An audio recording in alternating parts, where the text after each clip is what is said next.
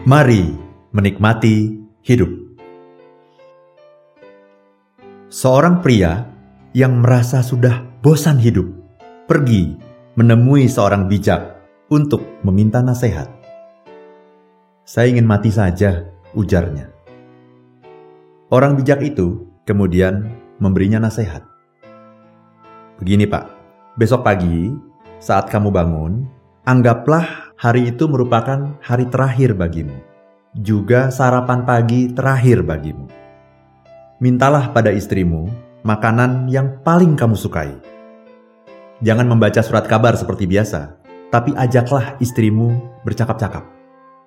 Karena ini adalah kesempatan yang terakhir. Pada saat berangkat kerja, pandanglah rumahmu.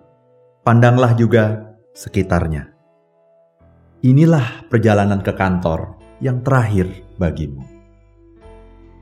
Pria itu pulang ke rumahnya dan berjanji akan melakukan nasihat dari si orang bijak. Beberapa hari kemudian, kembalilah ia pada si orang bijak untuk menceritakan pengalamannya.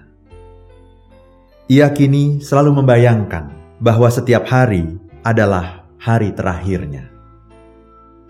Sepanjang perjalanan pulang kerja, ia melihat pemandangan kota pada waktu malam yang diterangi lampu-lampu.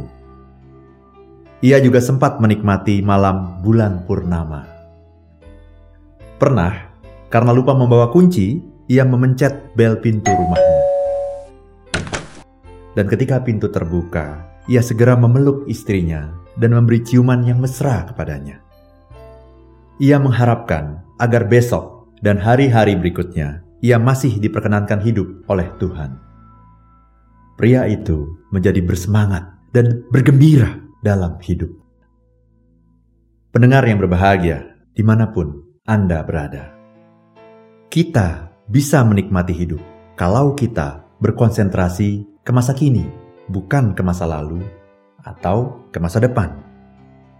Mengingat masa lalu itu hanya akan menghasilkan beban kalau masa lalu itu menyedihkan, hanya akan menimbulkan penyesalan yang berkepanjangan. Bahkan, kalau masa lalu itu membahagiakan, kerinduan akan masa lalu juga dapat menjadi beban. Seolah-olah kita harus hidup seperti masa lalu. Ini dapat membuat kita hidup dalam angan-angan. Mengingat masa depan juga sering membuat kenikmatan hidup kita berkurang kita akan senantiasa dihantui ketegangan dan kecemasan akan masa depan kita. Target-target yang kita buat, baik target personal maupun target bisnis, itu sering membuat kita gelisah kan? Segala keinginan dan ambisi kita itu sebetulnya adalah akar dari segala kesedihan dan kecemasan. Padahal, seperti juga halnya masa lalu, masa depan itu kan sebetulnya berada di luar kontrol kita kan? Kita tidak dapat menentukan apa yang akan terjadi di akhir tahun ini. Bahkan, apakah kita masih hidup nanti di akhir tahun, tak ada yang dapat memberikan jaminan. Yang berada dalam kontrol kita itu hanyalah prosesnya. Prosesnya inilah yang kita jalani sekarang dari hari ke hari. Karena itu, tugas kita sebenarnya bukanlah mengejar target-target itu, tetapi menjalani dan menikmati prosesnya dari hari ke hari.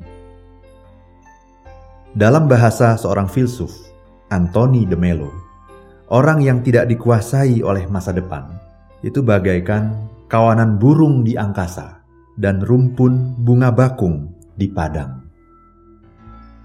Ia tidak khawatir akan hari esok karena segalanya adalah hari ini. Karena itu, marilah kita hidup di hari ini. Caranya adalah dengan menumbuhkan kesadaran akan apa pun yang sedang kita lakukan sekarang. Bukalah mata dan telinga Anda. Rasakan dan nikmatilah apa yang sedang Anda lakukan saat ini.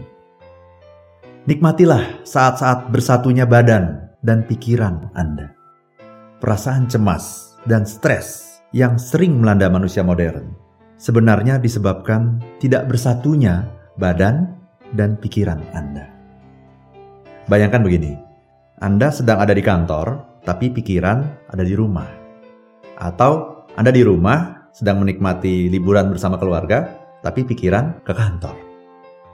Anda sedang di luar kota, tapi pikiran ke rumah.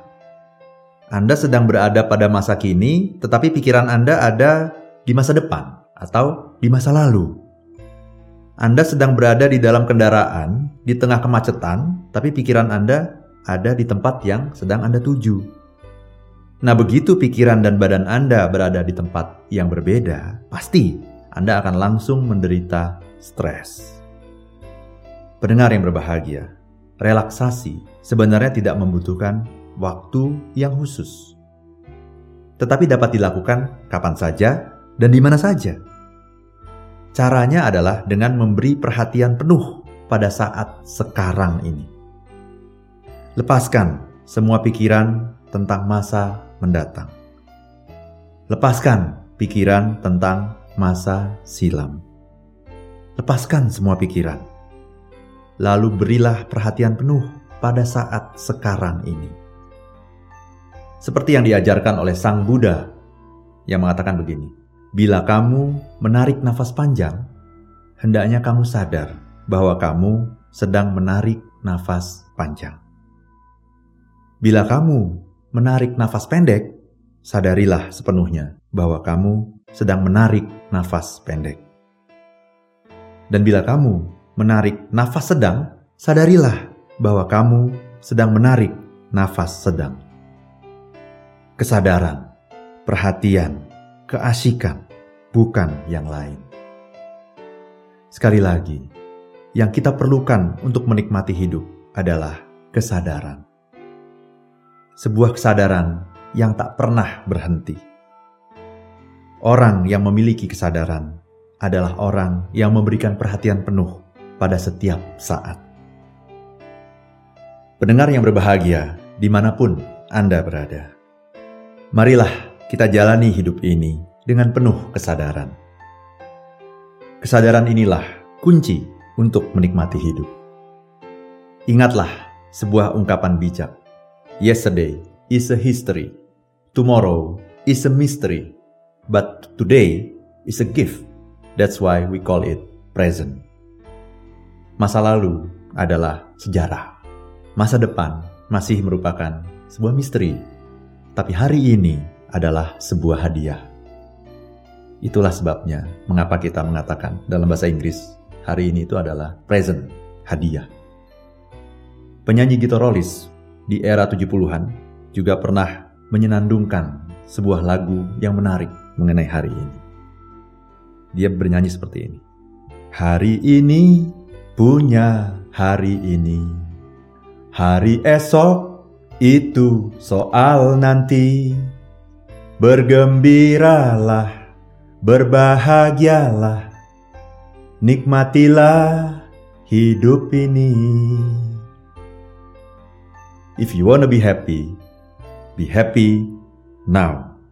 Saya, Arfan Pradiansyah.